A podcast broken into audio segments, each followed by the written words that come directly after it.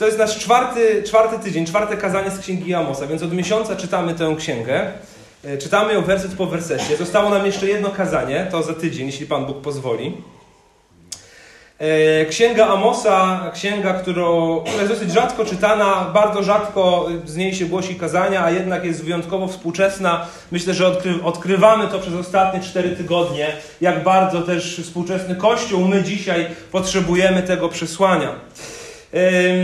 Ta, ta księga Amosa dzieli się na takie trzy części, napisana w VIII wieku przed Chrystusem, dzieli się na trzy części. Pierwszą część, y, ona się zamyka w tej klamrze y, o ryku lwa. To przerobiliśmy na pierwszym kazaniu, y, gdzie Izrael jest porównany do tego, że są tak samo grzeszni jako Boży lud, jak wszystkie inne narody i Bóg ich ostrzega, że chce nadejść ze swoim sądem. I mamy tam opisane ich grzechy. Druga część zaczynała się w rozdziale trzecim i skończyła się na rozdziale szóstym, to przerabialiśmy na drugim i trzecim kazaniu. Ona była związana z wymienieniem i dokładnym opisaniem tych grzechów Izraela. I dzisiaj rozpoczynamy trzecią część. Ta trzecia część y, Księgi Amosa to właśnie od początku rozdziału siódmego do końca dziewiątego. Na tę trzecią część składa się pięć wizji, które ma Amos. Wizji takich proroczych, które mówią o pewnym nadejściu sądu, ale również całość, jak wiele ksiąg proroczych, kończy się obietnicą odbudowy Bożego Ludu. E, dzisiaj e, rozdział siódmy i ósmy, więc jesteśmy w tej trzeciej części, przerobimy cztery, cztery z tych pięciu wizji, które Bóg dał Amosowi, czego one dotyczyły, jak ten cały fragment odnosi się, odnosi się do nas. Więc przeczytamy Księgę Amosa, rozdział siódmy i ósmy w całości. Wszechmocny Pan ukazał mi taki obraz. Zobaczyłem, że przygotowuje on szarańcze, a, był to, a było to akurat w czasie, gdy zaczęła odrastać trawa po sianokosach królewskich. A gdy szarańcza pożar, pożarła już niemal całą roślinność w kraju, zawołałem Wszechmocny Panie, przebacz, jak Jakub to wytrzyma, przecież jest tak niewielki. I Pan zlitował się. Nie dopuszczę do tego, zdecydował. Następnie Wszechmocny Pan ukazał mi taki obraz. Otóż zobaczyłem, jak Wszechmocny Pan przyzywa ogień, by nim wymierzyć karę. Ogień ten mógł wysuszyć nawet wielką otchłań i pochłonąć całe dziedzictwo. Ale zawołałem, Wszechmocny Panie, proszę odstąp od tego, jak Jakub to wytrzyma. Przecież jest tak niewielki. I Pan zlitował się. Do tego również nie dopuszcza, rozstrzygnął Wszechmocny Pan. W końcu Pan ukazał mi taki obraz. Otóż stał on na murze zbudowanym według pionu i w ręce trzymał pion. Co widzisz, Amosie? zapytał mnie Pan. Pion, odpowiedziałem. Wtedy Pan oznajmił: Oto spuszczam po, pion pośród mojego ludu Izraela i już więcej mu nie przepuszczę. Spustoszone będą świątynki na wzniesieniach Izaaka i legną w gruzach święte miejsca Izraela. Ja natomiast powstanę z mieczem przeciwko domowi Jeroboama. Wtedy Amazjasz, kapłan sprawujący swój urząd w Betelu, posłał do Jeroboama, króla Izraela, wiadomość takiej treści – Amos spiskuje przeciwko Tobie w, cały, w samym sercu Izraela. Kraj nie wytrzyma tych wszystkich jego mów, bo Amos rozpowiada, Jeroboam zginie od miecza, a Izrael z całą pewnością opuści swoją ziemię i pójdzie na wygnanie. Amosowi zaś Amazjasz doradził, posłuchaj jasnowidzu, czym prędzej uchodź do ziemi judzkiej, tam zarabiaj na siebie, tam sobie prorokuj. W Betelu natomiast już nie prorokuj, tu bowiem mieści się świątynia królewska i jest to najważniejszy przybytek w królestwie. Amos tak na to odpowiedział Amazjaszowi: Nie jestem ja prorokiem ani uczniem prorockim. Jestem pasterzem bydła i hodowcą sykomor. Pan jednak zabrał mnie od stada kus i owiec i polecił: Idź, przekaż proroctwo mojemu ludowi Izraelowi. A teraz posłuchaj słowa Pana, ty. Posłuchaj słowa Pana. Ty mówisz: Nie prorokuj przeciw Izraelowi i przestań bredzić przeciw domowi Izaaka. Dlatego tak mówi Pan. Twoja żona będzie uprawiać w mieście nierząd, a twoi synowie i twoje córki padną od miecza. Twoją ziemię rozdzielą na części sznurem mierniczym, a ty sam umrzesz w ziemi nieczystej. Natomiast Izrael na pewno opuści swą ziemię i pójdzie na wygnanie. Wszechmocny Pan ukazał mi taki obraz. Otóż zobaczyłem kosz owoców zebranych pod koniec lata. Co widzisz, Amosie? zapytał. Kosz owoców zebranych pod koniec lata, odpowiedziałem. Wtedy Pan mi oznajmił, nadszedł koniec dla mego ludu Izraela. Już więcej mu nie przypuszczę. W tym dniu zawodzić będą śpiewaczki świątyni, oświadcza wszechmocny Pan. Mnóstwo trupów wszędzie, gdzie spojrzeć porozrzucane. Cicho. Słuchajcie tego wy, którzy depczecie ludzi w potrzebie i wyniszczacie ubogich tej ziemi. Mówicie, kiedy minie święto nowiu, abyśmy mogli kupczyć zbożem i szabat, abyśmy wystawiali ziarno. Czekacie, by pomniejszyć miarę i powiększyć ciężarek i wykrzykiwać oszukańczo i wykrzywić oszukańczo wagę. Chcecie nabywać biednych za pieniądze, potrzebujących za parę sandałów i sprzedawać im najgorsze zboże. Pan przysiągł na chlubę Jakuba: Nigdy wam nie zapomnę tych wszystkich nadużyć. Czy z tego powodu nie ma zatrząść się ziemia, a żałoba okryć każdego jej mieszkańca? Oto cała ziemia podniesie się jak Nil, wzbije się i opadnie jak rzeka Egiptu. W tym właśnie dniu oświadcza wszechmocny Pan sprawie, że słońce zajdzie w południe i mrok ogarnie ziemię w jasny dzień i zamienię wasze święta w żałobę, a wszystkie wasze pieśni w tren. Na wszystkie biodra włożę włosienice, a na każdej głowie wystrzygę łysinę. Sprawię żałobę jak po jedynaku, przyszłość zaś uczynię dniem goryczy. Oto nadchodzą dni, oświadcza wszechmocny Pan, że ześlę na ziemię głód. Nie będzie to głód chleba ani pragnienie wody, lecz głód słuchania słów Pana. Będą wówczas zmęczeni wlec się od morza do morza i tułać się z północy na wschód, chcąc znaleźć słowo Pana, jednakże nie znajdą.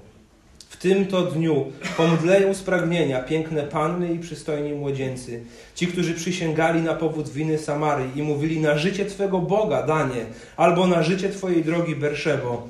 Ci upadną i już nie powstaną. Ponownie trudne w przyjęciu czy w odbiorze dwa rozdziały. Prawda? Pełne sądu. Ciężko się o tym czyta. To proroctwo wygłoszone do Amazjasza, co się stanie wskutek jego zachowania czy lekceważenia Boga. Te wszystkie groźby skierowane i zapewnienia o tym do Izraela. Ale rzeczywiście taka, to miało nadejść. I wypełniło się, i wiemy to z tego, co, co dalej mówi Pismo Święte. Tydzień temu mówiliśmy o tym, że łatwo przychodzi człowiekowi optymizm w sprawach jego życia duchowego. Pamiętacie?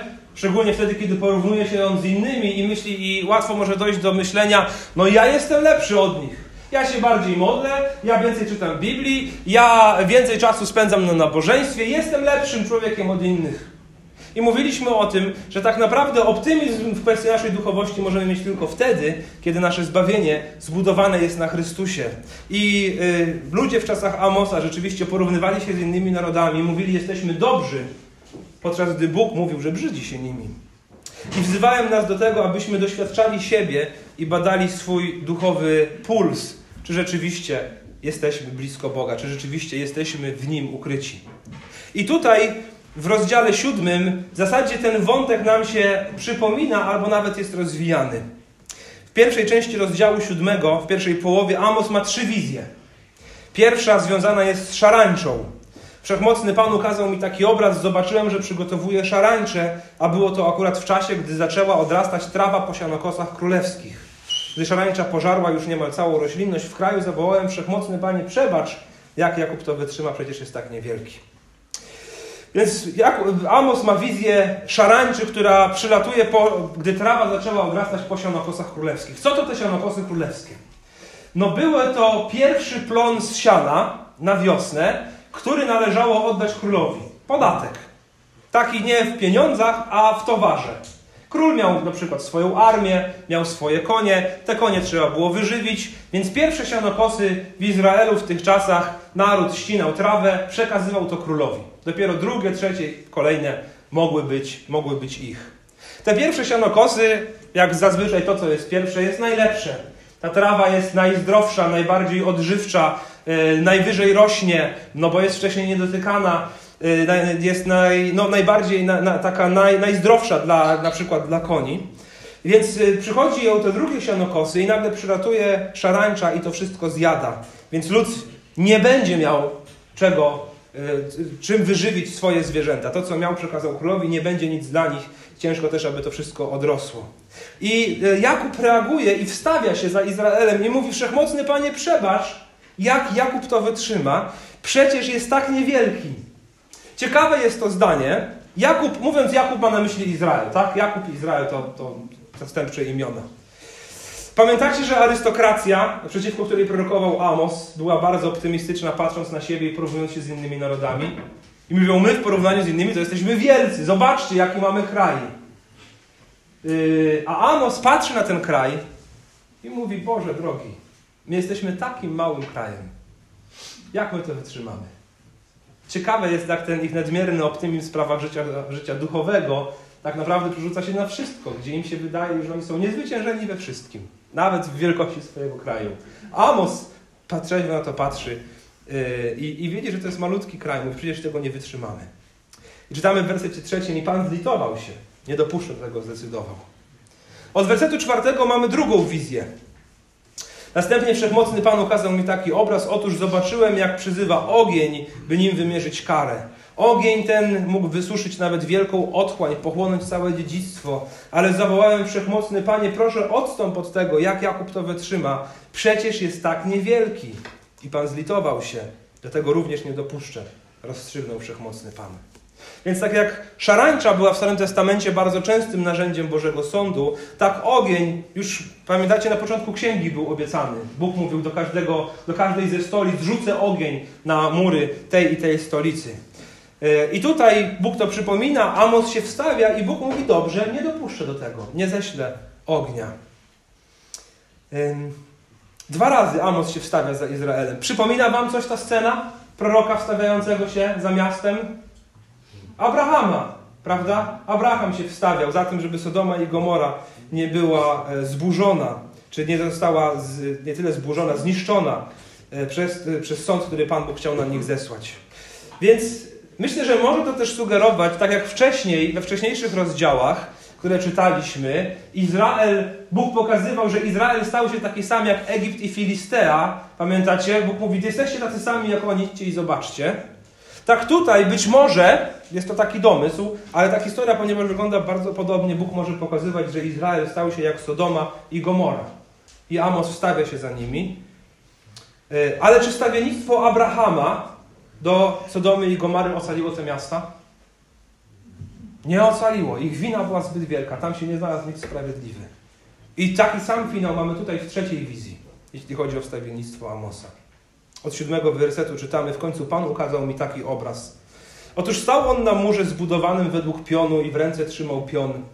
Co widzisz, Amosie? zapytał mnie Pan. Pion odpowiedziałem. Wtedy Pan oznajmił, oto spuszczam pion pośród mojego ludu Izraela i już więcej mu nie przepuszczę. Spustoszone będą świątynki na wzniesieniach Izaaka i legną w gruzach święte miejsca Izraela. Ja natomiast powstanę z mieczem przeciwko domowi Jeroboama. Pionu murarskiego e, używa się e, po dziś dzień. E, I wygląda on w zasadzie, do dzisiaj już są często elektroniczne i takie zupełnie nowoczesne, ale do niedawna jeszcze tak naprawdę przez tysiące lat używano pionu w taki sam sposób. Więc był to sznurek cienki, na dole z obciążnikiem. I przytwierdzało się go do ściany, spuszczało się go na dół, wyznaczał on, jak sama nazwa wskazuje, pion. Po co się to robiło? No po to, żeby ściana była prosta. Po to, żeby mur, który się stawia na przykład był e, prosty. I Amos, e, czytamy tutaj, że ma taką wizję, Bóg mu daje taką wizję, że Bóg stanął na murze zbudowanym według pionu. I w ręce trzyma swój pion. I wydźwięk jest taki, jakby ten mur był właśnie dziełem Izraela. To nie jest to wprost napisane, no ale taki jest wydźwięk, że Bóg stoi na murze i, i zrzuca swój pion i ten, pion i ten mur jest krzywo zbudowany. Oni mieli zły pion. Więc domyślam się, że takie jest wytłumaczenie, że tym murem jest Izrael albo jest jakieś dzieło Izraela, owoc ich życia. Budowali według swojego pionu, a Pan Bóg spuszcza swój pion. I jasnym jest, że ten mur jest tak krzywy, że nadaje się do rozebrania. Że nadaje się do tego, aby go po prostu zburzyć. Mur okazuje się być bezużyteczny. Owoc pracy nadaje się do zburzenia i to właśnie ma zamiar zrobić Bóg. Co jest tym Bożym pionem? No znowu księga Amosa nam tego nie mówi wprost, ale w księdze Izajasza znajdujemy bardzo podobny fragment, paralelny wręcz. W Izajasza 25:17 Bóg mówi: Uczynię prawo miarą, a sprawiedliwość poziomicą. Prawo uczynię miarą, sprawiedliwość poziomicą.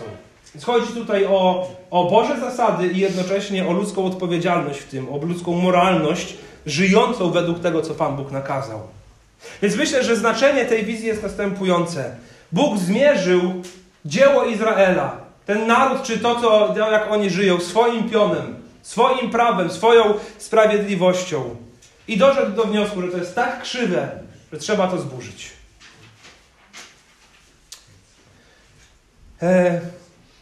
I Amos, zobaczcie, w przypadku dwóch wcześniejszych wizji wstawiał się za Izraelem. A czemu się tutaj nie wstawia? No myślę, że dlatego, że zobaczył, jak krzywy jest ten mur. I że tu nie ma o co się wstawiać. I że tu nie ma o co wołać. Więc Bóg mówi, ja już więcej mu nie przepuszczę Izraelowi. Spustoszone będą świątynki na wzniesieniach Izaaka i legną w, góra, w gruzach święte miejsca Izraela. Więc tą bezpośrednią przyczyną tego, te, tego, tego zburzenia tego muru, a w związku z tym sądu nad Izraelem, wygnania ich do Asyrii, najazdu Asyryjczyków, jest właśnie ich bałwochwalstwo w tym miejscu, tutaj w sposób szczególny podkreślone. Ale jest też zapowiedź skierowana do króla. E, w wersecie dziewiątym Bóg mówi: Ja natomiast powstanę z mieczem przeciwko domowi Jeroboama. Jeroboam II był ówczesnym królem Izraela. Ja powstanę z mieczem przeciwko domowi Jeroboama. Zapowiedź ta spełniła się. Spełniła się dokładnie tak, jak Bóg zapowiedział. Po śmierci Jeroboama jego e, syn objął władzę i w ciągu sześciu miesięcy po objęciu tronu został zamordowany. E, wskutek intryg na, e, na dworze i ród Jeroboama nigdy już nie wrócił do rządzenia. Więc rzeczywiście Bóg mówiąc powstanę z mieczem przeciwko domowi Jeroboama spełnił to. No ale słowa, które wypowiada Amos do Izraela i tutaj słowa, które wypowiada wprost przeciwko królowi, musiały wywołać jakąś reakcję i wywołały.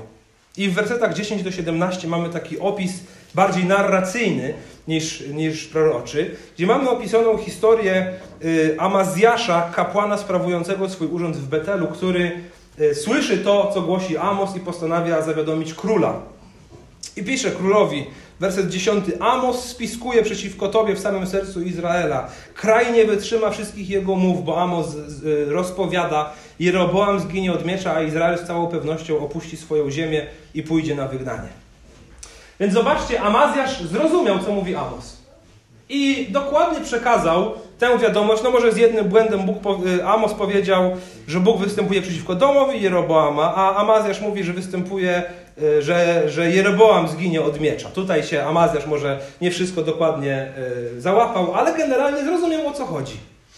I z miejsca, z miejsca założył, że to jest fałszywe, co głosi Amos. On się nad tym nie zastanowił. Nie przemyślał tego. Jemu się to nie podobało. On to uznał za zagrożenie dla niego samego, dla królestwa, dla króla, więc zawiadamia o tym Jeroboama po co? Nie po to, żeby powiedzieć królu. No przychodzi prorok niezwykły. Przychodzi Boże Słowo, dociera do nas. I trzeba by coś z tym Bożym Słowem zrobić. Nie, on mówi, to trzeba się pozbyć Amosa. Nie podoba nam się to, co Pan Bóg do nas przez niego mówi. E, lekceważą tego Amosa. Potraktowali go raczej jako wędrownego kuglarza zajmującego się jakimś rodzajem magii. W wersecie 12 Amazjasz mówi, posłuchaj jasno widzu, czym prędzej uchodź do ziemi judzkiej, tam zarabiaj na siebie, tam sobie prorokuj. Więc traktuje go jako no, jakiegoś tam magika, kuglarza, znachora, nie wiem jak to inaczej nazwać. I wiemy też, że kapłani i prorocy Bala posiadali jakieś zdolności magiczne, myślę, że wynikające z tego, że służyli ostatecznie demonom. E, czytamy o tym w Biblii, jak to również ludzie służący fałszywym bogom dokonywali cudów. I tak chyba e, potraktował właśnie Amazjasz Amosa. Ale Amos mu odpowiedział w następujący sposób: Nie jestem ja prorokiem, ani uczniem prorockim, więc nie, nie, nie, to, to nie jest mój zawód bycie prorokiem. To nie jest moim, moim zawodem, nie, nie wyuczyłem się tego nigdzie. On mówi: Jestem pasterzem bydła i jestem hodowcą sykomor. Pan jednak zabrał mnie od stada kus i owiec i polecił: Idź, przekaż proroctwo mojemu ludowi Izraela. Więc pokazuje, że jego służba nie jest w żaden sposób wyuczona. Nie jest to coś, z czego on żyje. Nie jest to jak, jak, jak cyganki chodzące od wsi do wsi, wróżące za pieniądze. On mówi, ja to w ogóle nie o to chodzi. On mówi, ja zostałem powołany do tego przez Boga. Ja jestem prosty chłop. Ja zostałem, jestem hodowcą bydła, hodowcą sykomor, więc jestem pasterzem, jestem rolnikiem. Y, mam, mam swój sad sykomory, które nacinano, aby, y, aby z nich y, otrzymywać odpowiednie owoce i, i również sok z tego drzewa. I on mówi, przychodzę tutaj w Bożym autorytecie, nie w swoim. Ale Amazjasz się tym nie przyjmuje i, wychodzi to właśnie w takie proroctwo, że on zginie e, i tragedia, która w ogóle wskutek nieposłuszeństwa Bożemu Słowu e, przyjdzie na niego i na jego rodzinę. Więc pierwsza połowa tego rozdziału, wersety 1 do 9, pokazywały, e, że, że mur jest krzywy, że naród jest źle zbudowany, że nie trzyma pionu Bożego Słowa. I widzimy to w sposób praktyczny w wersetach 10 do 17 na przykładzie kapłana. I to kapłana, wydaje się, że najwyższego tam w Betelu. Że on sam nie chce mieć nic wspólnego z Bożym Słowem. On odrzuca to Boże Słowo, lekceważy to Boże Słowo, chce przegnać Amosa, mówi idź sobie głosić te swoje bajki gdzie indziej. Traktuje to jako zagrożenie dla ładu państwowego i jako zagrożenie dla króla. Nie to, co Amos, nie sąd Boży, o którym mówi Amos, ale same słowa Amosa. Oni chcą się go pozbyć. I wtedy przechodzimy do rozdziału ósmego, kiedy Amos ma czwartą wizję. Wizję dojrzałych owoców zebranych pod koniec lata. Werset drugi. Bóg zapytał, co widzisz, Amosie? Kosz owoców zebranych pod koniec lata, odpowiedziałem. Wtedy Pan mi oznajmił, nadszedł koniec dla mego ludu Izraela. Już więcej mu nie przypuszczę. E, słowo lato i słowo koniec e, w języku hebrajskim inaczej się zapisują, ale tak samo się je wymawia. Więc wydaje się, że to ma być po prostu taka gra słów. Jest koniec lata, na owoce dojrzały, ma być koniec narodu, tak jakby naród dojrzał do tego, aby doświadczyć sądu Bożego. Ten, ten grzech, pamiętacie, do trzech i do czterech, z powodu trzech i czterech proroc, gdyby miarka się przyjrzała, wszystko już dojrzało do tego, aby Bóg zadziałał. I znowu podkreśla, już więcej im nie przypuszczę. I od wersetu e, trzeciego e, czytamy o tragedii, która ma nadejść jako sąd. Czytamy tutaj o, o, o śmierci. Rzeczywiście ta śmierć nadejdzie wraz z najazdem Asyryjczyków na Izrael e, kilka dekad później. Widzimy z jakiego powodu po raz kolejny w tej księdze, w wersecie czwartym i szóstym, że jest to z powodu ucisku ubogich i wyzyskiwania ich. Werset piąty ponownie nam y, przypomina y, wątek powierzchownej religijności. Werset piąty. Mówicie, kiedy minie święto nowiu, abyśmy mogli kupczyć zbożem i kiedy minie szabat, abyśmy wystawili ziarno. Czekacie, by pomniejszyć miarę i powiększyć ciężarek.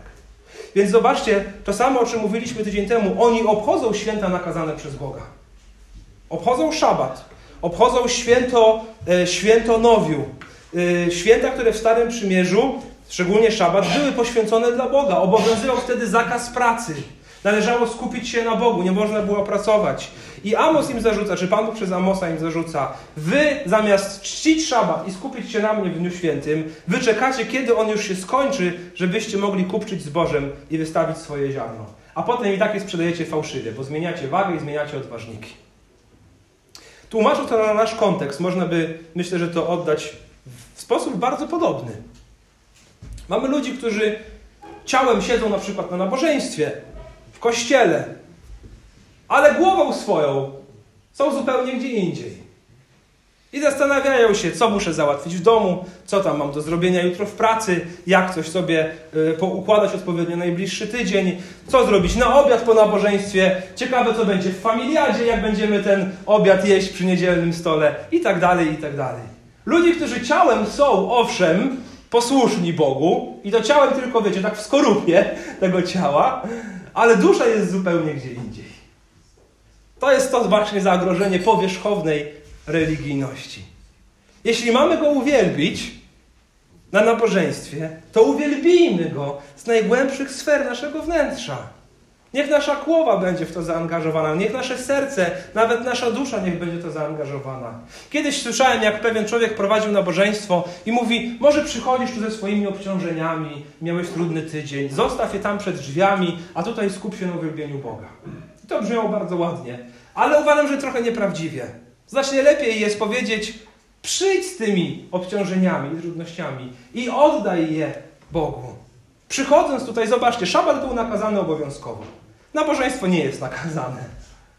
Jeśli przychodzimy po to, żeby uwielbić Boga, I przychodzimy tutaj z dobrej woli, może oprócz dzieci, może one czasami nie chcą, ale rodzice je tam ubierają, wkładają do samochodu i jedziemy. Ale zakładam, że jak ktoś ma przynajmniej kilkanaście lat, to już tutaj przyjeżdża, bo chce. Rzeczywiście, drodzy, nie chcę powiedzieć, zostawmy trudne rzeczy, które mieliśmy w tym tygodniu, ale, albo które będziemy mieli w tym tygodniu. Zostawmy je ze drzwiami. Nie zostawiajmy ich ze drzwiami. Właśnie odwrotnie, przynieśmy je Bogu. Przynieśmy je Bogu, przyjdźmy na nabożeństwo. To się co jakiś czas przejawia w naszych kazaniach, no ale na takie teksty trafiamy. Przyjdźmy nastrojeni na to nabożeństwo, przygotujmy się na nie. Uwielbijmy Boga nie tylko tym, że usiedliśmy sobie w wygodnym krześle, bo to nie jest żadne uwielbienie. Nie tylko tym, że wstaliśmy, jak było wezwanie do wstania, usiedliśmy, jak było do siedzenia. Przyjdźmy nastrojeni. Jesteś czymś obciążonym, obciążona, oddaj to Bogu. Gdzie, jak nie tutaj? Potrzebujesz porozmawiać z kimś, gdzie, jak nie tutaj z kimś porozmawiać? Kto Ciebie zrozumie i Kto Tobie pomoże i jeszcze się o Ciebie pomodli. Niech nie cechuje nas właśnie ta straszna rzecz, która była tutaj w Izraelu. Powierzchowne odprawienie pobożności. To trochę o czym siostra Aniela mówiła też w swoim świadectwie. Co ją tak bardzo bolało i co doprowadziło do w ogóle porzucenia myślenia o Bogu. Powierzchowna religijność, pusta religijność, która w niedzielę wygląda jakoś, ale jak tylko wychodzi z budynku kościelnego, to już wygląda zupełnie inaczej. Nie pozwólmy sobie na to. Przyjdźmy rzeczywiście do Boga z uwielbieniem, z zaśpiewaniem pieśni dla Niego, z zaangażowaniem naszych serc w to, z, z modlitwą na ustach czy w duszy, z wysłuchaniem Bożego Słowa. Rozumiem, że może czasami ono jest za długie, to przebaczcie, jak jest za długie. Może czasami, może czasami yy, yy, jest gęsta atmosfera i nie jest łatwo mieć skupioną uwagę przez cały czas, ale rzeczywiście to leży w naszym sercu i w naszej głowie. W naszym sercu i w naszej głowie. Nie bijąc się z tyłu z bratem albo siostrą na nabożeństwie, ale trzymając skupioną uwagę. Nie? No właśnie. Pan przysiągł na chlubę Jakuba w wersecie siódmym. Nigdy wam nie zapomnę tych wszystkich nadużyć. Czy z tego powodu nie ma zatrząść się ziemia, a żałoba okryć każdego z jej mieszkańca, każdego jej mieszkańca? I rzeczywiście, zobaczcie, Bóg na, przypomina, zatrzęsie się ziemia. Pamiętacie, jak się zaczyna Księga Amosa? Proroctwo wygłoszone na dwa lata przed wielkim trzęsieniem ziemi. To, co Bóg tu zapowiedział, to wypełnił. Później mamy kolejne dwa wersety mówiące o nadchodzącym sądzie, ale chcę się skupić na wersetach 11, 11 do 13. One nam zepną cały ten główny motyw, ten, ten temat, który się przewija przez te dwa rozdziały. I później będę chciał przejść do tego, co możemy z tym zrobić, jakie tu jest dla nas przesłanie. Więc motyw, który nam się przewija od początku siódmego rozdziału, to jest ignorowanie Bożego Słowa. To jest ignorowanie przesłania, które Bóg w Izraelu kierował przez proroka Amosa. To był krzywy mur budowany bez pionu, tego co Pan Bóg nakazał, bez pionu Bożego Słowa. To był główny kapłan zabraniający głoszenia Słowa. To są ludzie, którzy, gdy jest czas skupienia się na Bogu, więc i na Jego Słowie, myślą, myślami są zupełnie gdzie indziej, myślą o swoim biznesie. I gdy Bóg posyła swoje Słowo, Jego lud, można powiedzieć, zatykał sobie uszy i tym Słowem się nie przyjmował. I pod koniec ósmego rozdziału czytamy następujące słowa. 11 do 14 przeczytajmy. Oto nadchodzą dni, oświadcza wszechmocny Pan, że ześlę na ziemię głód. Nie będzie to głód chleba, ani pragnienie wody, lecz głód słuchania słów Pana. Będą wówczas zmęczeni wlec się od morza do morza i tułać się z północy na wschód, chcąc znaleźć słowo Pana, jednakże nie znajdą. W tym to dniu pomdleją z pragnienia piękne panny i przystojni młodzieńcy, ci, którzy przysięgali na powód winy Samary i mówili na życie Twego Boga, Danie, albo na życie Twojej drogi, Barszebo, ci upadną i już nie powstaną. Więc Bóg zapowiada, że ześle na ziemię głód. I nie będzie to głód chleba, ani głód czy pragnienie wody, ale będzie to głód słów Pana. Głód słów Słowa Bożego. I tak jak Bóg, będąc Bogiem sprawiedliwym, kara musi pasować do przewinienia, skoro oni gardzili Słowem wtedy, kiedy ono było, to Bóg mówi, nadejdzie taki czas, że zabiorę wam to Słowo. I będziecie go szukać i go nie znajdziecie. Dla nas to brzmi dziwnie. Jak nie znajdziemy? Pójdę sobie do księgarni, wklepię sobie w internecie Biblia w takim i takim tłumaczeniu, zamówię do paczkomatu, przyjdzie, dwa dni później odbiorę. A jak dobry paczkomat, to i, to i następnego dnia, czy jak dobry sklep. Ale Bóg mówi w czasach, kiedy słowo, słowo swoje przekazywał przez proroków, zabiorę wam to słowo. Jak nie chcecie go teraz, kiedy jest, to wiedzcie, że nadejdzie czas, że będziecie go szukać i go nie będzie. Widzimy, że się będą tułać po świecie, aby ten głód spełnić. I nie da się go y, nasycić tego głodu. Jak widzimy w wersecie 14, to są ci sami, znowu, którzy czcili obce bóstwa, na życie Twego Boga Danie. To w Danie był właśnie jeden z tych bożków, który czcili na życie Twojej drogi, Berszebo. To było inne miejsce, gdzie przychodzili, aby y, w sposób bałwochwalczy pogańskim bóstwom oddawać cześć. Więc to byli ci, którzy zajmowali się bałwochwalstwem. Bóg mówi, nie będzie dla Was ugaszenia pragnienia Bożego Słowa. Ich bożki go nie ugasiły. Pan Bóg, kiedy będą go poszukiwać, mówi: Ja zamilknę. Więc drodzy, zastanówmy się, po co Amos to wszystko napisał. Te dwa rozdziały. Dlaczego Bóg to skierował do Amosa i dlaczego Amos to, to napisał? Co chciał przekazać Izraelowi? Jeśli zebrać treść tych dwóch rozdziałów, siódmego i ósmego, w jedną spójną myśl, w jedno spójne przesłanie, myślę, że można by je zaprezentować następująco. Amos mówi Izraelitom, że lekceważenie i nieposłuszeństwo Bożemu Słowu na przykładzie Amazjasza prowadzi do nieuchronnego sądu, a Boża cierpliwość ma swoje granice. Amos mówi Izraelowi, że lekceważenie nieposłuszeństwo Bożemu Słowu na przykładzie Amazjasza prowadzi do nieuchronnego sądu, a Boża cierpliwość ma swoją, swoje granice. Co chciał tymi dwoma rozdziałami wywołać w Izraelu? Jaką przemianę oni mieli przejść? Co chciał, aby zrobili y, wskutek przeczytania czy zapoznania się z tymi dwoma rozdziałami? No myślę, że odpowiedź jest oczywista. Chciał, aby zapragnęli tego Bożego Słowa, póki ono u nich jest. Przestrzega, że to zabierze. Więc mówi, teraz jest moment, kiedy to Słowo u was jest, abyście się tym Bożym Słowem, tym, co ja do was mówię, przejęli. Drodzy, dzisiaj nie, nie, nie, nie mamy urzędu proroka takiego jak w Starym Testamencie, czy urzędu apostoła takiego jak w Nowym Testamencie. Kiedy, yy, kiedy to człowiek może przekazywać w Bożym autorytecie nowe objawienie dla, dla Bożego ludu. Pan Bóg zostawił nam swój autorytet. Najwznioślejszym Bożym objawieniem słowa jest osoba Jezusa Chrystusa. Pamiętacie wielokrotnie i wieloma sposobami przemawiał Bóg dawnymi czasy do ojców przez proroków, okresu tych dni przemówił do nas przez swojego Syna. Więc Jego Syn w sposób najdoskonalszy nam go objawił. Ale zostawił On też nam swoje słowo spisane. Przez ostatnia księga Biblii, list Judy, mówi, że nauka wiary została raz na zawsze przekazana świętym. W ostatnim rozdziale Biblii, w objawieniu świętego Jana, czytamy: Ja oświadczam każdemu, kto słucha słów proroctwa tego zwoju. Jeśli ktoś coś do nich dołoży, dołoży mu Bóg klęsk opisanych w tym zwoju. A jeśli ktoś coś odejmie ze słów tego proroctwa, temu Bóg odejmie jego udział w drzewie życia i w świętym mieście opisanym w tym zwoju. Oczywiście bezpośrednio to się tyczy te słowa Księgi Objawienia Jana. Ale myślę, że to nie jest przypadek, że Bóg dał takie słowa na koniec kanonu Pisma Świętego. Myślę, że można je bez problemu odnieść do całości Biblii. Pismo Święte jest Bożym Słowem, które Bóg kieruje do nas, również przez Księgę Amosa.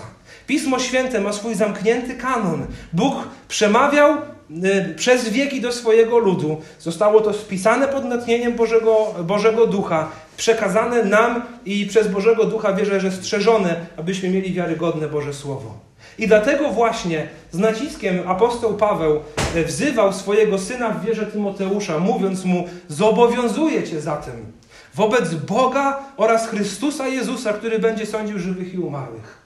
Więc zobaczcie, jakie to jest wzniosłe wezwanie. Wobec, zobowiązuje cię wobec Boga, Chrystusa Jezusa, sędziego żywych i umarłych, w obliczu Jego przyjścia i na Jego królestwo. Do czego go zobowiązuje? Głoś Słowo.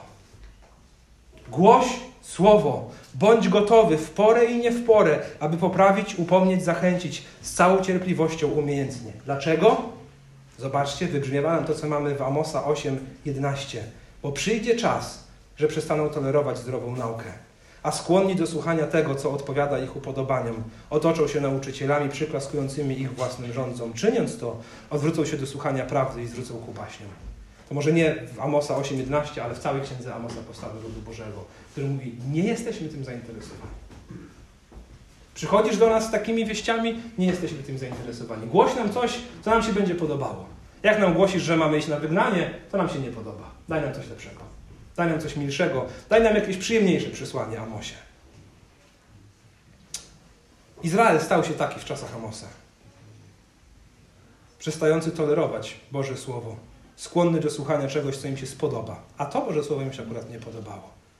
To słowo, to słowo, które mamy, 66 ksiąg Pisma Świętego, zwiastowane wiernie przez wieki, przynosiło zmiany w sercach pojedynczych ludzi, a czasami w sercach całych narodów.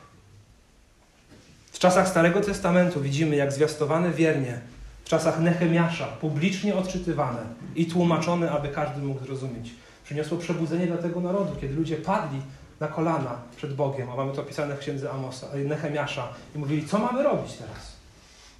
Widzimy to w czasach Joasza, kiedy odnaleziono e, Tory, Torę i czytano ją i, i objaśniano. Przyszło duchowe przebudzenie na ten kraj. Widzimy w dziejach apostolskich pierwsze wielotysięczne nawrócenie w drugim rozdziale dziejów wzięło się z tego, że Piotr stanął przed ludem Izraela i wygłosił kazanie na podstawie historii Izraela opisanej w Starym Testamencie, gdzie obficie w zasadzie cytuje konkretne wersety ze Starego Testamentu. Gdy wybuchło prześladowanie w Jerozolimie, w dziejach 8, czytamy: Ci z kolei, którzy się rozproszyli, przenosili się z miejsca na miejsce i głosili słowo dobrej nowiny. I czytamy dalej dzieje apostolskie i widzimy, że tam powstają zbory. Wskutek czego? Wskutek głoszenia Bożego Słowa. Robili to pierwsi misjonarze docierający do nowych krain. Głosili Boże Słowo. To przez odnowienie autorytetu Bożego Słowa, sola scriptura, tylko Słowo, wybuchła reformacja w, w Europie. I tak długo, jak kaznodzieje wiernie głosili to Słowo, tak długo całe narody przechodziły przez Bożą transformację. Przez metanoję doświadczały duchowego narodzenia. Tak robili bohaterowie wiary, tacy jak Jonathan Edwards, George Whitfield czy Jan Wesley w czasie pierwszego przebudzenia ewangelicznego, kiedy setki tysiąc, tysięcy, jeśli nie miliony, w Wielkiej Brytanii i Stanach Zjednoczonych w XVIII i XIX wieku przyszły do Chrystusa. Wszystkie te przebudzenia wybuchły z powodu głoszenia słowa. Wiernie, werset po wersecie. To robił Charles Spurgeon, nazywany księciem, księciem kaznodziejów w drugiej połowie XIX wieku, kiedy w związku z tym, że głosił słowo, przychodziło do jego, e, w Londynie zjeżdżały się e, tysiące ludzi na niedzielne nabożeństwo. Kiedyś było ich tak dużo, że musieli wynajmować teatr, aby ich zmieścić. I było ich tak dużo na balkonie, że temu balkonowi groziło zawalenie. I ludzie uciekali, tam wstąpiła wtedy wielka tragedia. Jego kazania, które głosił właśnie na podstawie Bożego Słowa, były tak popularne, że alfabetem Morsa z Wielkiej Brytanii do Stanów Zjednoczonych je przesyłano. Alfabetem Morsa. Ile godzin musiało to trwać? Po to, żeby wydrukować to kazanie w porannej gazecie w Ameryce. To robił Gottfried Fryderyk Alf w XIX wieku, odwiedzając kolejne miejscowości Mazowsza. Otwierając przed naszymi rodakami na Mazowszu Biblię i wskazując na Jezusa Chrystusa. Drodzy, Prawdziwe przebudzenie duchowe bierze się z tego, że ludzie pragną Bożego Słowa, tęsknią za Bożym Słowem, a ono jest zwiastowane w prawdzie, w prawdzie i odwadze, przyjmowane i ludzkie życie dopasowuje się do tego, co w tym Słowie się znajduje. Wtedy przychodzi prawdziwe przebudzenie. Ostatnio znowu po paru latach przerwy w naszym kraju stała się popularna teologia przebudzeniowa. Nie wiem, czy, czy widzicie, mi się w internecie wyświetlają różne ogłoszenia, że dostaję różne maile, że nadchodzi przebudzenie. Módlmy się o przebudzenie. Nawet w naszym mieście e, widziałem kilka takich zaproszeń na jakieś spotkania. E, że Bóg nadchodzi z przebudzeniem, przyjmijmy to przebudzenie. Marzę o tym, żeby było przebudzenie w naszym kraju. Naprawdę marzę o tym. Marzę o tym, żebyśmy zobaczyli w końcu w historii naszego narodu, jak tysiące ludzi nawracają się do Chrystusa. Daj Boże i miliony, chociaż nie wiem, jak ich zmieścimy w naszych kaplicach ale marzę o przebudzeniu. Ale wiecie, dopóki Słowo Boże nie będzie poważnie traktowane, to jestem przekonany, że wszystkie te zapowiedzi przebudzenia nie spełnią się. Ludzie mówią, spotykajmy się i módlmy się o przebudzenie. No, pewnie, módlmy się o przebudzenie. Ale jeśli Słowo Boże nie będzie wiernie zwiastowane i przestrzegane w naszych sercach, nie będzie przebudzenia, a na pewno nie będzie to prawdziwe przebudzenie. Dlatego, że nie ma zwiastowania w powadze Bożego Słowa. Nie ma pragnienia pójścia za tym Bożym Słowem radykalnie ze swoim życiem. Często w tych, wśród tych, którzy wzywają do przebudzenia, jest to wezwanie bardziej do jakichś ekstatycznych przeżyć i duchowych uniesień, a nie do posłuszeństwa Bożemu Słowu dzień w dzień. A Bóg przemawia przez swoje słowo. Duch Święty jest duchem tego słowa. On go używa, żeby odradzać i prowadzić. Więc drodzy, kochajmy to słowo, ceńmy to słowo ponad wszystko inne i głośmy to słowo. Ludzie są spragnieni Bożego Słowa. Może nam się wydawać, że nie. Tydzień temu odwiedziliśmy naszych sąsiadów, którzy mieszkają piętro wyżej nad nami. Byliśmy u nich dwie godziny, może dwie i pół. Przez połowę czasu rozmawialiśmy o Bożym Słowem, o Bożym Słowie. I to nie, że myśmy powiedzieli tym sąsiadom, to my wam opowiemy teraz coś, co wierzymy. On powiedział, a jak, a jak rozumieć to? A jak rozumieć tamto? A czy rzeczywiście Biblia jest Bożym Słowem? A jakie są dowody, które na to wskazują? A ja słyszałem werset taki i taki. A, a, a czy tak rzeczywiście jest? Nasz kraj, wierzę, że, że jest tutaj wiele osób, które mają głód Bożego Słowa. Że chwała Bogu, właśnie ten Amosa 8.11 jeszcze się nie realizuje wśród, wśród wielu naszych bliskich. Nie realizuje. Tam jest głód Bożego Słowa, tam jest zainteresowanie, ale musi być ktoś, kto im to zaniesie. Jest taka książka wydana na przełomie wieków. Być może niektórzy z Was czytali. Kochałam swastykę. Pamiętacie? Ktoś czytał? Pokochałam swastykę? Bardzo ciekawa książka, bardzo trudno już dzisiaj dostępna. Autobiografia kobiety, e, która gdy wybuchła II wojna światowa, była młodą dziewczyną i była zafascynowana Hitlerem i była w Hitlerjugend. Wielce kochała Hitlera, po wojnie się nawróciła, stąd ten cytat, kochałam swastykę. I opowiada ona tam o tym, jak to kiedyś spotkała się na randkę w czasie II wojny światowej z pewnym żołnierzem, e, który e, służył w włączności. E, I opowiedział on jej o tym, co się działo w Stalingradzie, kiedy Niemcy już byli tam otoczeni, zostały ostatnie bataliony niemieckie otoczone przez związek, przez, e, przez wojsko radzieckie i wiedzieli oni, że tam z pewnością umrą. I chcę wam przytoczyć cytat tego żołnierza, który to opowiada. Mówi, szeptaliśmy między sobą najnowsze wiadomości o tym, że Rosjanie zamknęli pierścień i nie można było już dostarczyć jedzenia i poczty do, e, do walczących w mieście inaczej niż drogą powietrzną. Ostatnią wiadomością, jaką otrzymaliśmy z wewnątrz okrążenia ze Stalingradu, było wezwanie: przyślijcie nam Biblię. Jeden z ludzi, który uciekł po schwytaniu, powiedział mi, że nasi żołnierze błagali choćby o jedną stronę, którą mogliby trzymać w rękach, gdy nadchodziła śmierć. Więc ci żołnierze, którzy tam byli w okrążeniu, służący Hitlerowi, ale pochodzący zapewne w ogromnej większości z rodzin protestanckich, wychowani Pewnie w kościołach, w których budowano w nich szacunek do Pisma Świętego, który porzucili na rzecz nazizmu.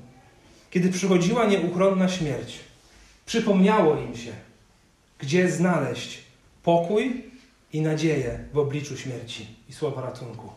I wołali oni wtedy, wierząc w relacji tego żołnierza, że to, czego pragnęli tak bardzo, to nie było jedzenie tam. To było ześlijcie nam Biblię. Jak on mówi, każdy z nich chciał chociaż trzymać stronę w Biblii w ręku kiedy nadchodziła śmierć. Nadszedł tam wtedy głód Bożego Słowa. Zbierzmy w kilka wniosków to wszystko, czego uczą nas te rozdziały. O Bożym Słowie. Kilka wniosków o Bożym Słowie z tych rozdziałów. Po pierwsze, myślę, że Pan Bóg chce, żeby Jego Słowo było zrozumiałe. To po pierwsze. Bóg chce. Dał nam takie słowo, aby było ono dla nas zrozumiałe. Zobaczcie, Amos był prostym człowiekiem, rolnikiem. I Bóg przemawiał do niego poprzez obrazy, które były dla niego zrozumiałe. Jeden mówił o murarstwie, drugi mówił o sadownictwie, o dojrzałych owocach, dwa pozostałe o szarańczy i o ogniu. Amos rozumiał to. On rozumiał, co te obrazy znaczą. Wierzę, że Pan Bóg się komunikuje w sposób zrozumiały. I żyjemy dzisiaj w takich czasach, w takim kraju, kiedy język polski w naszej historii, nigdy w języku polskim nie mieliśmy dostępu do tak wielu tłumaczeń Biblii. To jest łaska Boża. Jedne tłumaczenia są lepsze, inne są gorsze, to jest bogactwo, jakie mamy. Pan Bóg wierzy, że chce do nas przemawiać w sposób zrozumiały. I wiele słów w tej Biblii może nam się wydawać zawiłych, ale sedno jest zrozumiałe. I nawet kiedy czytamy i nie rozumiemy jakiegoś symbolu czy jakiegoś znaczenia, to rozumiemy, co czytamy. Pan Bóg się komunikuje w sposób doskonały. Jest tutaj, są rzeczy, że im dłużej ją czytamy, niektóre rzeczy wydają się dla nas oczywiste i łatwe, a inne trudne, ale im dłużej czytamy, tym więcej rozumiemy i rozwijamy się w tym. Grzegorz Wielki, jeden z ojców Kościoła, powiedział tak. Pismo Święte jest jak rzeka, szeroka i głęboka. Tu wystarczająco płytka, aby baranek mógł brodzić, a tam wystarczająco głęboka, aby słoń mógł w niej pływać. Bardzo lubię ten obraz. Rzeczywiście niezwykłe jest Pismo Święte. W wielu miejscach baranek Małe zwierzę chodzi i może sobie swobodnie przez tą rzekę przejść. W innym miejscu słoń ma problem, żeby przez nią przepłynąć. Takie ono jest. Zrozumiałe, zależnie od naszego wykształcenia, zależnie od naszego poziomu. Potrafią to zrozumieć dzieci, potrafią to zrozumieć wielkie e, profesorskie tuzy. Potrafią i znaleźć tam rzeczy dla siebie, które Pan Bóg kieruje, kierował do pierwotnych odbiorców i kieruje do nas. Po drugie, łatwo jest przejść, e, łatwo jest przyjąć za normalność, że mamy Boże Słowo. Łatwo jest przyjąć za normalność, że mamy to Boże Słowo. Amosa 8.11 mówi, że to wcale nie jest takie oczywiste. Drodzy, niech Pismo Święte nam nigdy nie spowszednieje. Niech nigdy nam nie spowszednieje. Księga Amosa nas przed tym ostrzega w ostatnich, rozdziałach, w ostatnich wersetach ósmego rozdziału. Niech, nie, niech będzie dla nas również ostrzeżeniem ta przytoczona historia e, ze Stalingradu. Bracie i siostro, czyń użytek ze swojej Biblii. Masz tak wielki skarb. Kilkadziesiąt lat temu niektórzy błagali, żeby im go zrzucić z samolotu w godzinie ich śmierci. Lepiej, żeby ta Biblia była wygnieciona i poplamiona od ciągłego używania, niż pokryta kurzem, ale ładnie wyglądająca na szafce.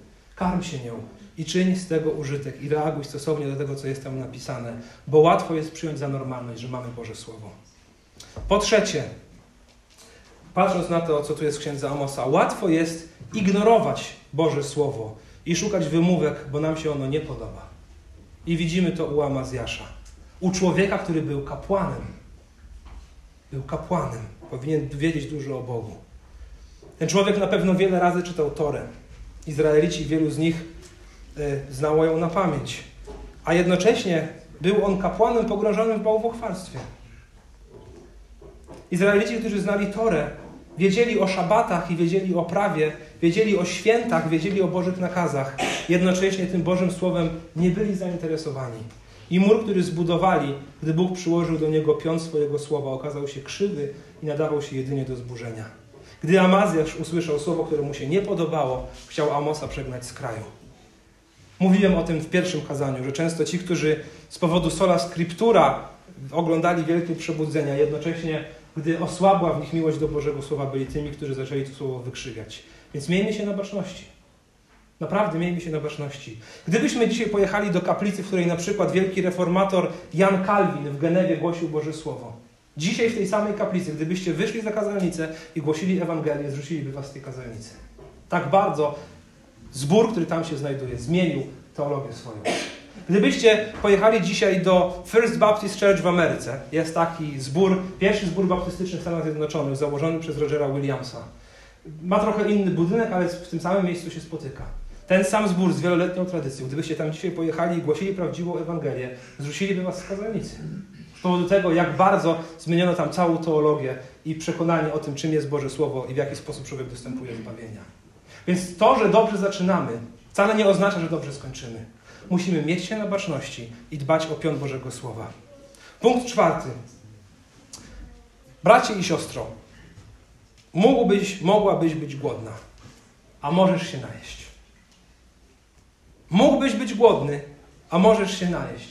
Ostatnie wersety Amosa przestrzegały Izraelitów, że przyjdą do nich czasy głodu słowa i niemożność spełnienia tej potrzeby. Bracie i siostro, mógłbyś być głodny, a możesz się najeść. Więc jedz. Jedz i jedz obficie.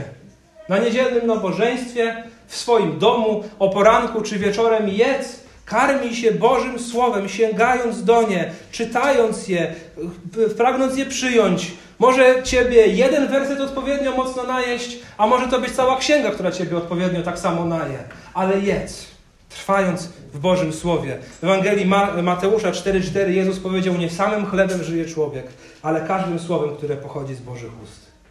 Więc karm się i żyj. I drodzy, zastosowaniem tego tego kazania. Niech nie będzie, niech nie będzie takie zastosowanie. Czytaj więcej Biblii. Po prostu, kropka. To nie jest zastosowanie. Czytaj więcej Biblii. Jak będziesz czytał więcej Biblii, to zostaniesz biblistą. Co ma oczywiście swoje wielkie plusy. Ale zastosowaniem tego kazania jest poznawaj Boga poprzez Biblię. Niech Pan Bóg zmienia Twoje życie poprzez swoje słowo.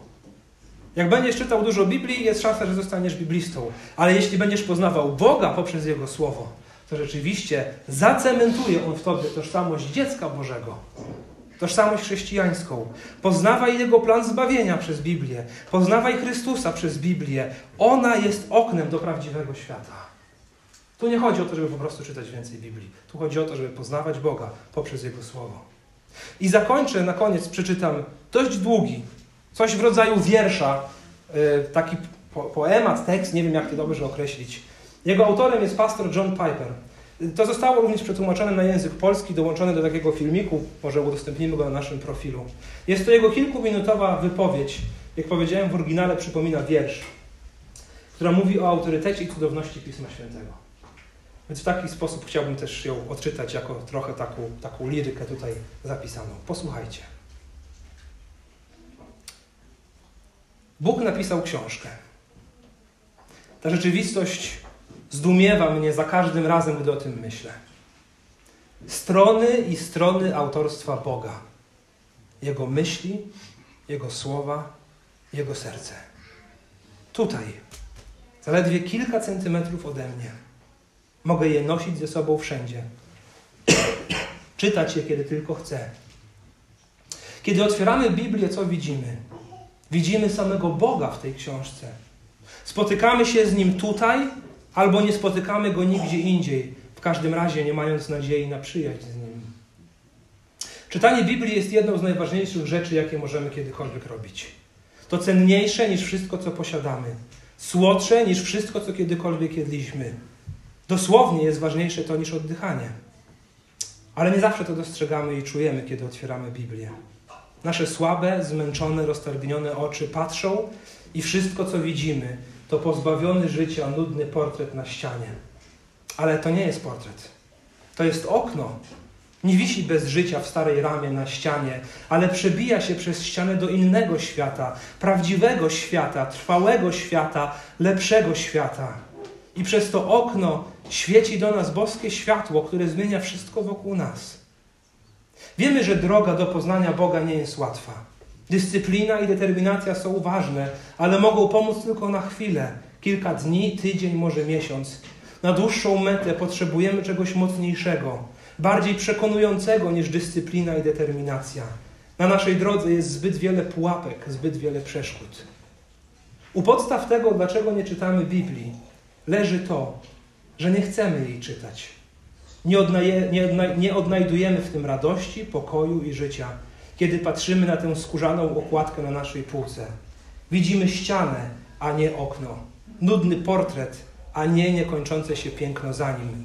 Więc odkładamy ją na później, zostawiamy zamkniętą i idziemy dalej. Albo zostajemy w łóżku i przegapiamy cud. Bóg, który powiedział: Z ciemności niech zajaśnieje światłość, kocha przemawiać światłem do serc i umysłów. Bóg napisał książkę, i przez te słowa leżące przed nami budzi nasze martwe, znużone dusze, uwalnia z niewoli grzechu i pragnień okradających nas z życia. Pociesza przygnębionych, inspiruje zniechęconych, prowadzi zagubionych. On daje nam siłę, aby nasze życie liczyło się dla Jego sprawy w świecie. On zaspokaja nas całkowicie i na zawsze słowami, swoimi słowami. A więc, czy będę jutro czytał moją Biblię? A gdzie indziej miałbym pójść? Jak inaczej miałbym go poznać? Jak inaczej przygotować się, by cieszyć się nim na zawsze? Tak, spędzę resztę mojego życia wyglądając przez to okno, patrząc, czekając na kolejne spotkanie z nim, na kolejny cud, kolejne spojrzenie na mojego Boga. Drodzy, ja też tak chcę robić. Chcę widzieć okno do innego świata przez tą księgę. I chwała Bogu, że daje nam on to dostrzegać. Kochać Boże Słowo, karmić się Bożym Słowem, doceniać to, że je mamy i we wdzięczności Bogu za to, że go mamy, poznawać go, idąc swoim życiem za nim. Czyńmy z Bożego Słowa użytek, nie lekceważąc go, ale poważnie traktując. A gdy będzie rzeczywiście w nas taka postawa, daj Boże, zobaczymy przebudzenie w naszym kraju. Amen. Amen.